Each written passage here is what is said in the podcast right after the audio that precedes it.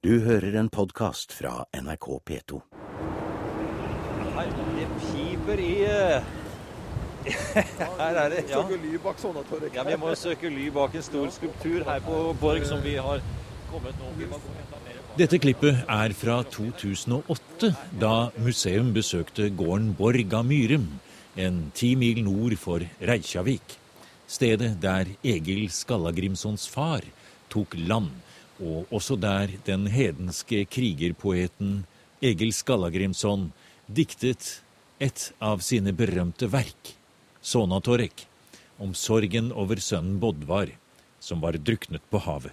Jeg er Jon Gunnar Jørgensen, og her ved min side står min kollega fra Trondheim, Jan Ragnar Hagland. Vi to har samarbeidet om å redigere eh, dette sagaverket som vi nå vil presentere.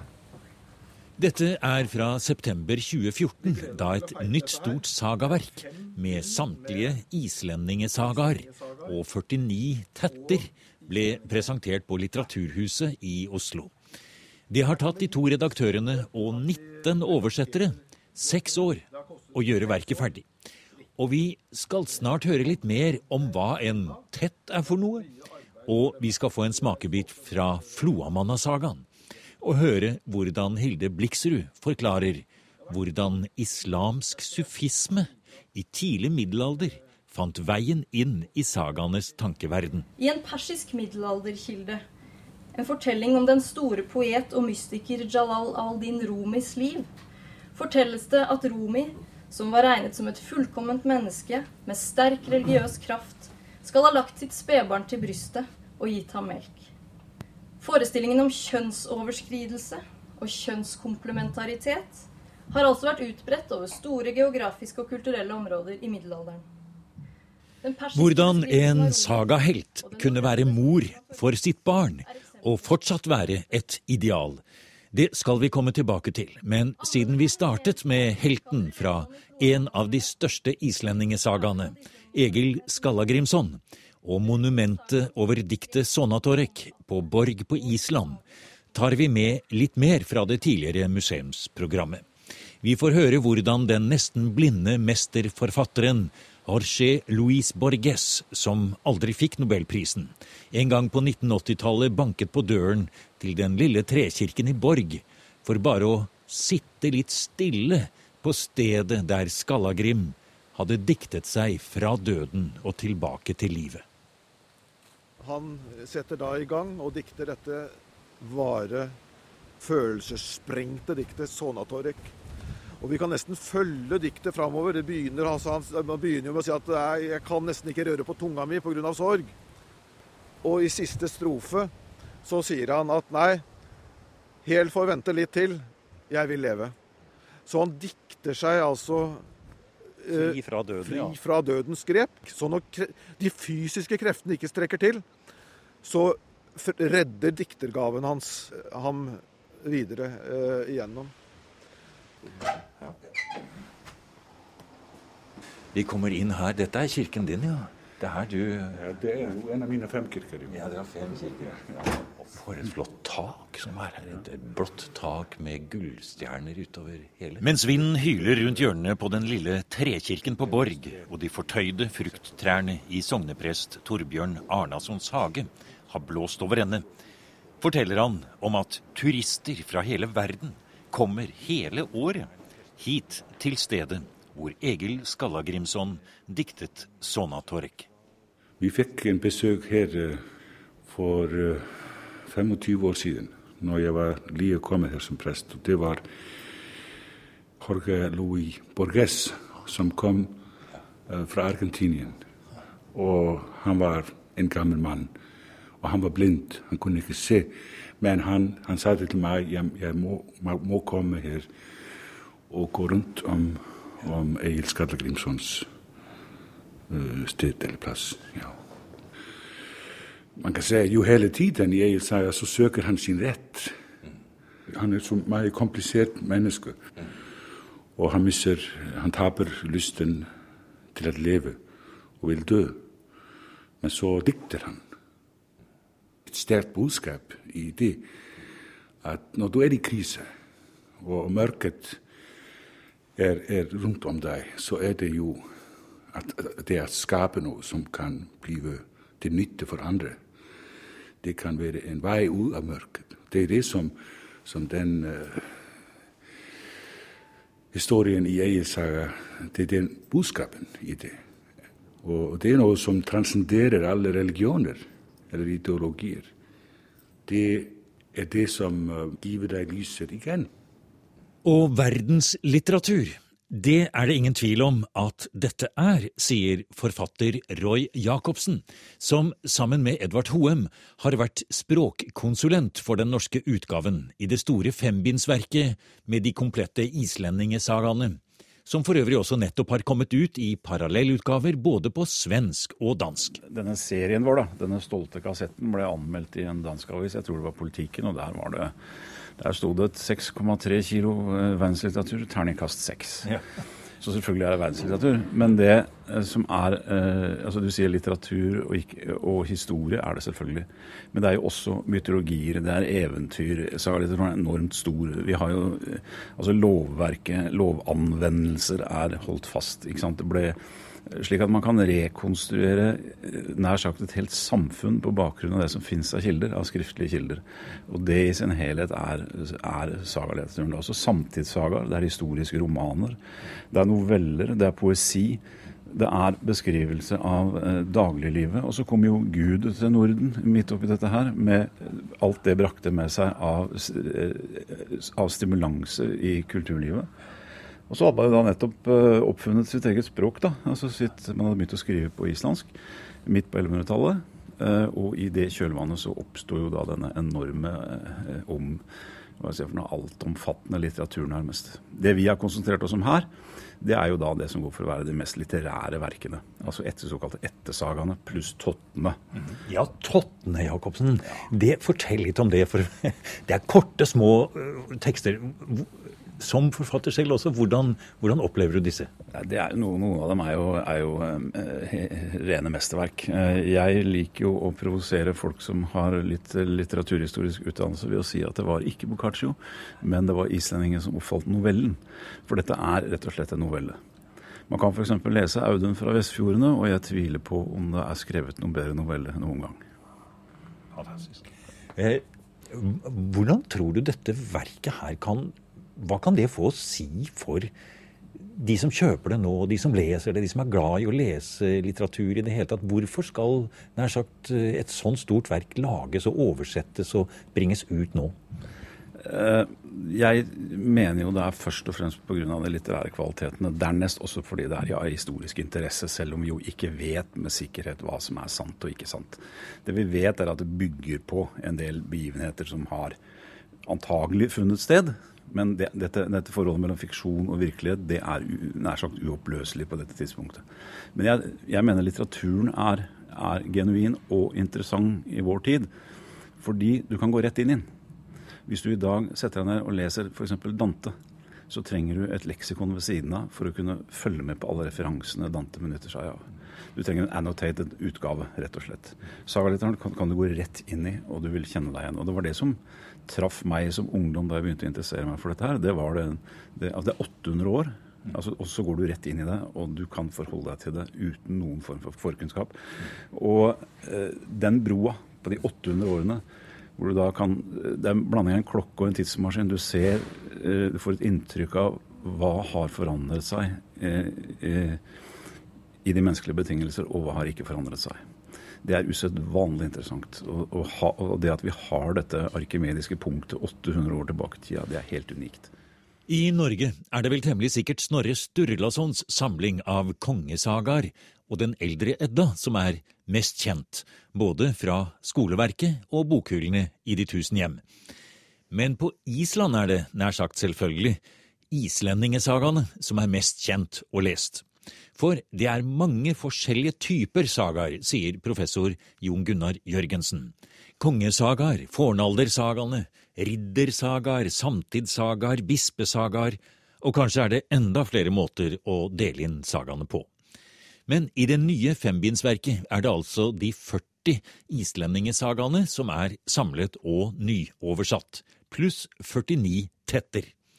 Alt er med, som Gunnlaug Ormstunge-saga, Njåls selvfølgelig Egil Skallagrimsons saga, Lakstøla-sagaen, Eirik Raude, men også mer ukjente sagaer som Gisle Sursons saga, Grettes saga og sagaen om Slaget på Heia, pluss altså en lang rekke korte småhistorier om eventyrere og askeladder som søkte lykken og som regel fant den. Formelen er ofte drap, hevn, forsoning. Kongesaga er som du sier den sjangeren som er mest kjent i Norge. Og islendingesagaene har mye til felles med kongesagasjangeren i den forstand at eh, de er realistiske. Eh, og de er eh, historisk troverdige på en måte. Jeg bruker ikke historiske helst, jeg kaller dem helst realistiske. Så kan, det, kan historikerne diskutere hvorvidt kilde, den historiske kildeverdien er til stede eller ikke. Men eh, de er realistiske, så i, stil og framstillingsform så eh, minner de om kongesagaene. Det som avgrenser sjangeren, det er at uh, handlingen foregår som regel på Island. Det er iallfall islandske aktører. De er bosatt på Island. Og det er en tidsavgrensning på det. Eh, som begynner omtrent ved det islandske landnummet, eller egentlig litt før. For vi møter familiene før de forlater Norge og bosetter seg på Island. Og eh, så spinner handlingen fram til kristningen og kanskje litt lenger. Så mellom sånn midt på 800-tallet og til litt ut på 1000-tallet, der ligger handlingen. Og så er det en gruppe tekster her som jeg tror for mange kan eh, høres litt eh, ukjent ut, men som kanskje er blant noe av det mest spennende og morsomme man kanskje kan lese av denne type litteratur. Nemlig tettene. Og hva er en tott, Jon Gunnar? Ja, det er en kortfortelling. Og det er nok egentlig ikke selvstendige eh, verker. Eh, men det er kortfortellinger som er blitt flettet inn i større eh, helheter. Helst i kongesagaer, men også i andre typer sagaer. Men de fungerer eh, selvstendig. Og det som er spesielt morsomt for oss i nordmenn, det er at eh, disse tettene i stor grad er knytta til norsk historie. Det er en typisk tott. Det er at en islending som kanskje man kanskje ikke venter seg så mye av, eh, reiser ut på eventyr, og han havner i Norge, får kontakt med den norske kongen, og fordi han er snarrådig eller en god dikter, eller fordi han har med seg en gave, eller fordi han gjør et eller annet merkelig verk, så gjør han lykke. Så som en slags Askeladden. Og så vender han tilbake til Island med større ære. Eh, men disse eh, tettene de er altså veldig nært knyttet til norsk historie, og de er forunderlig lite kjent i Norge fra før. Eh, så her vil nok leserne finne mye stoff de kan kose seg med, altså. Hva, hvorfor heter det en, en, en, en tott, eller ja, hva heter det egentlig? En tett eller en tott? Ja. ja en tott, flere tetter. Ja. En natt, flere netter. det er den typen der. Hva er jeg å si, bakgrunnen for selve ordet? Når du har et tau så består den av eh, det vi i speideren kalte for kordeller. Har du gått i speideren? Ja. Ja, Riktig. Da vet du hva det er.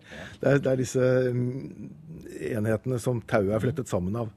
Det kalles på norrønt for en tott. Og da skjønner du, du, at en tott, ja, det er en fortelling som tvinner seg inn i fortellingen. Før så eh, trodde forskerne at disse tettene levde et liv i den muntlige tradisjonen eh, som selvstendige fortellinger. Og det kan vel være noe i det, men eh, dagens forskere har nok gått litt bort ifra det og ser på det mer som planlagte innslag da, i kongesagaer. Eh, det er jo mange synspunkter rundt sagaene i den forstand. Eh, altså eh, om det, det, historiske, eh, hva slags type kildemateriale det er, som du har også vært litt inne på. Men det er én ting som kanskje man kan snakke om ut fra vår samtid, hadde jeg nær sagt. Altså når man leser sagaene i dag, som du sa i ditt innlegg her, så leser ikke vi i dag sagaene på samme måte som du sa. Du sa det på den måten at som våre besteforeldre gjorde. Det er jo den samme sagaen, så hva er forskjellen? Altså, det som endrer seg, det er jo tidsånden. Vi er opptatt av andre ting i dag enn det man var opptatt av for eh, noen generasjoner siden. Man har ulike holdninger til kjønn, til eh, vold, til eh, etikk, eh, til eh, mannsideal. Eh, og det som kjennetegner klassisk litteratur, varig litteratur, det er, en, det er, litteratur som ikke blir umoderne med de skiftende tidene. Og det er, er grunnen til at disse sagaene har vært aktuelle og blitt lest eh, nå i 800 år. At de er såpass allmenne i sine problemdrøftinger at de er eh, levende. Eh, jeg eh, var jo inne på et eksempel på skal vi si, ulik lesning i foredraget som jeg hadde her nettopp, kortforedraget. og da trakk jeg fram Gisle Sursson. Og ja, det, grunnen til det er at den sagaen har jeg oversatt sjøl, og den har jeg et nært kjennskap til. Og Gisle dreper jo for å verne om familiens ære, så dreper han søsterens kjæreste. Og det får han kreditt for i sagaen. Og, vi leste den sagaen da jeg gikk på gymnaset, og vi syntes det var mandig og greit. Men når, man, når, jeg leser den i dag med mine studenter, med litt mer ettertanke, så tenker jeg jo at dette er jo egentlig et æresdrap. Æresdrap er ikke greit. Jeg tror ikke det var greit i 12 på 1200-tallets Island heller. Det var problematisk. Og jo mer jeg leser det fra den litt tvilende eller tvisynte vinkelen, jo mer problematisk blir helten Gisle eh, for meg. Og da blir eh, sagaen også utfordrende for leseren. Jeg tror ikke at våre besteforeldre leste sagaen på den måten. Eh, men det jeg håper på nå, når vi får et nytt verk, en ny helhet, samtlige sagaer, er at man ikke bare leser sagaene på nytt, men at man leser sagaene med nye øyne. Og relaterer dem til vår egen tid. Professor Jon Gunnar Jørgensen sier at sagaene ble skrevet ned i en svært urolig tid. 1200-tallet på Island var preget av motsetninger, både politisk og religiøst. Og det å skrive ned og hente fram møtet mellom hedendom og kristne idealer, som underliggende strømninger i sagaene, kan ha spilt en rolle i datidens selvforståelse.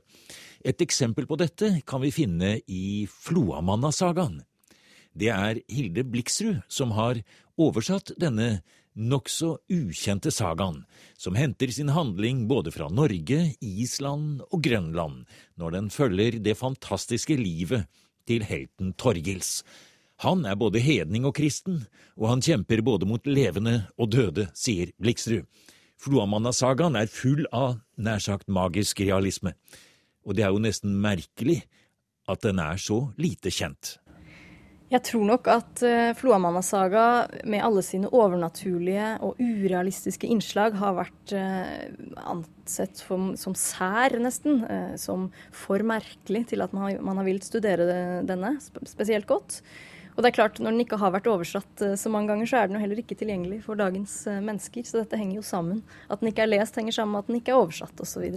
Man kunne også tenkt seg at, uh, at litteraturvitere kunne vært interessert i den, for den har en masse spennende motiver.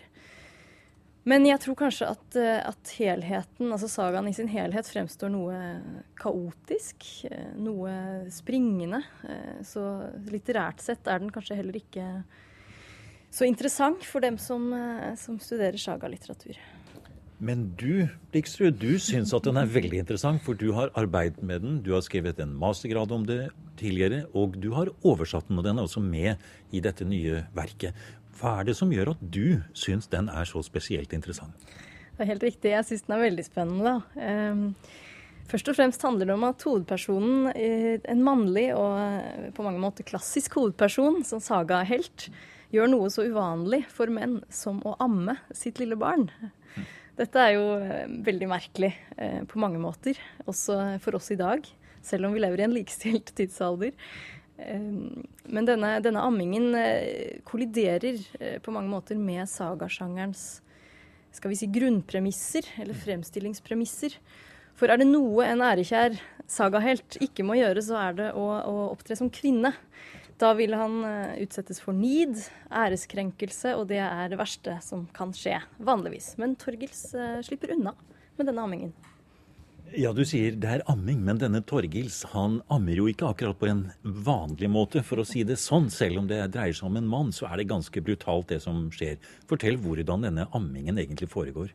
Ja, Det begynner med at kona hans eh, blir myrdet. De er på tur til, på Grønland, og, og trellene er troløse, myrder kona og stikker av. Eh, og Torgils kommer inn, finner den lille sønnen som prøver å die sin døde mor. Og da får han medynk med barnet og ønsker å prøve å hjelpe det. Eh, det han da gjør, er å skjære seg i brystvorten. Eh, så nei, det er ikke helt klassisk amming, dette. Men, og det kommer først blod, siden kommer det noe blandet væske. Og han ga seg ikke, står det, før det også kom melk. I tillegg til å henspille på et abbedideal, er det naturlig å lese Torgilses væskende bryst som en parallell til Kristus selv. For som dere sikkert husker, blir Jesus stukket i brystet med spyd av en romersk soldat mens han henger på korset. Ut strømmer det blod og vann. Væsken som strømmer ut fra Kristi bryst, er ifølge en teologisk doktrine parallell til den hellige nattverden som de troende inntar ved kirkegang. At Torgils nærer den lille sønnen med sin farsmelk, kan altså leses parallelt med Kristi nærende offer på korset og med nattverdens sakrament som nærer sjelene. Under lanseringen av det nye fembindsverket fra Saga forlag på Island, hvor alle islendingesagaene og 49 totter er oversatt til norsk, forklarte Hilde Bliksrud hvordan sagaen om Floafolket og helten Torgils skiller seg helt ut i de islandske sagatekstene. En mann, og til og med selve helten i historien, har både mannlige og kvinnelige kjennetegn. Men helt ukjent er ikke dette motivet, sier Blikstrud, som fortalte at den ammende mannen også er kjent fra islamsk mystikk, i sufismen, hvor poeten Shalal al-Din Runi ammet sitt spedbarn. Men først og fremst må det være Abed Bernard av Clairvaux som er forbildet for historien om Torgils, sier Hilde Bliksrud. Det er naturlig å spørre seg hvor, hvordan i all verden Torgils slipper unna som ammende mann uten å utsettes for nid. Og svaret på det må man finne i middelalderske klostertekster fra ja, 200 år før denne sagaen ble nedskrevet. Denne ammende mannen eh, har sitt forbilde i, eh, i eh, i en berømt abbed fra Frankrike på 1100-tallet som heter Bernard av Clairvaux. Som ønsket å, å, være abbed, altså leder av klosteret sitt, på en ny måte. En abbed var tradisjonelt forstått som en far for munkene i klosteret. Det kommer også av det arameiske ordet abba, som betyr far. Dette ordet abbed. Men eh, Bernhard ønsket å utvide bildet av denne faren. Han ville også kombinere moderlige egenskaper eh, til rollen. Eh, og han benytter seg av flere ammemotiver i sine teologiske utlegninger. Og en, et, hva skal vi si, et kjønnskomplett menneske, et kjønnsharmonisk og fullendt menneske, var på en måte idealet. Og jeg mener vi må lese Torgils i lys av dette. Han, han er eh, et norrønt svar på dette europeiske abbedidealet fra 1100-tallet. Dette synet var det sørgeligste Torgils hadde sett. Et nyoversatt sagaverk er en stor nasjonal begivenhet, og både den islandske ambassadør til Norge, Gunnar Pålsson, og stortingspresident Olemic Thommessen var til stede ved lanseringen. Stortingspresidenten la vekt på at selv om sagatekstene forstås og brukes på en annen måte enn på 1800-tallet, så er de fortsatt en del av grunnmuren i den norske selvforståelsen, ikke minst i et år hvor det er grunnlovsjubileum. Og eh, vi, eh, vi, forsyner oss jo gjerne med det islandske, eh, herr ambassadør. Vi, eh, vi syns ikke det er så nøye om det er Island eller Norge. Det var jo litt av det samme, var det ikke det, i middelalderen? Uten å gjøre dette til et eh, statsrettslige foredrag, så vil jeg jo si at vi kan ha ganske god dekning for å si at det var iallfall innenfor den samme statskonstellasjon at disse tekstene ble skrevet. Og sånn sett så synes iallfall jeg at vi også fritt kan gjøre dem til våre. Her ligger noen av de viktigste forutsetningene for det som handler om vårt nasjonale selvbilde. Eh, et selvbilde eh, som jeg tror også blir viktig å bearbeide i fremtiden. Kanskje inn mot en ny tid, med nye krav og forventninger og andre verdier. Men likevel eh, vil alltid det lange historiske løp som disse tekstene gir oss, være en grunnleggende kvalitet i vår selvforståelse som enkeltmennesker og som nasjon. Gratulerer med dagen, og til lykke med verket. Og så håper jeg at riktig, riktig mange kommer til å glede seg ved det, og skaffe seg det, og at vi får det spredd rundt i det ganske land. Takk. Du har nå hørt en podkast av programmet Museum fra NRK P2. Og send gjerne en e-post til museum.krøllalfa.nrk.no. nrk.no.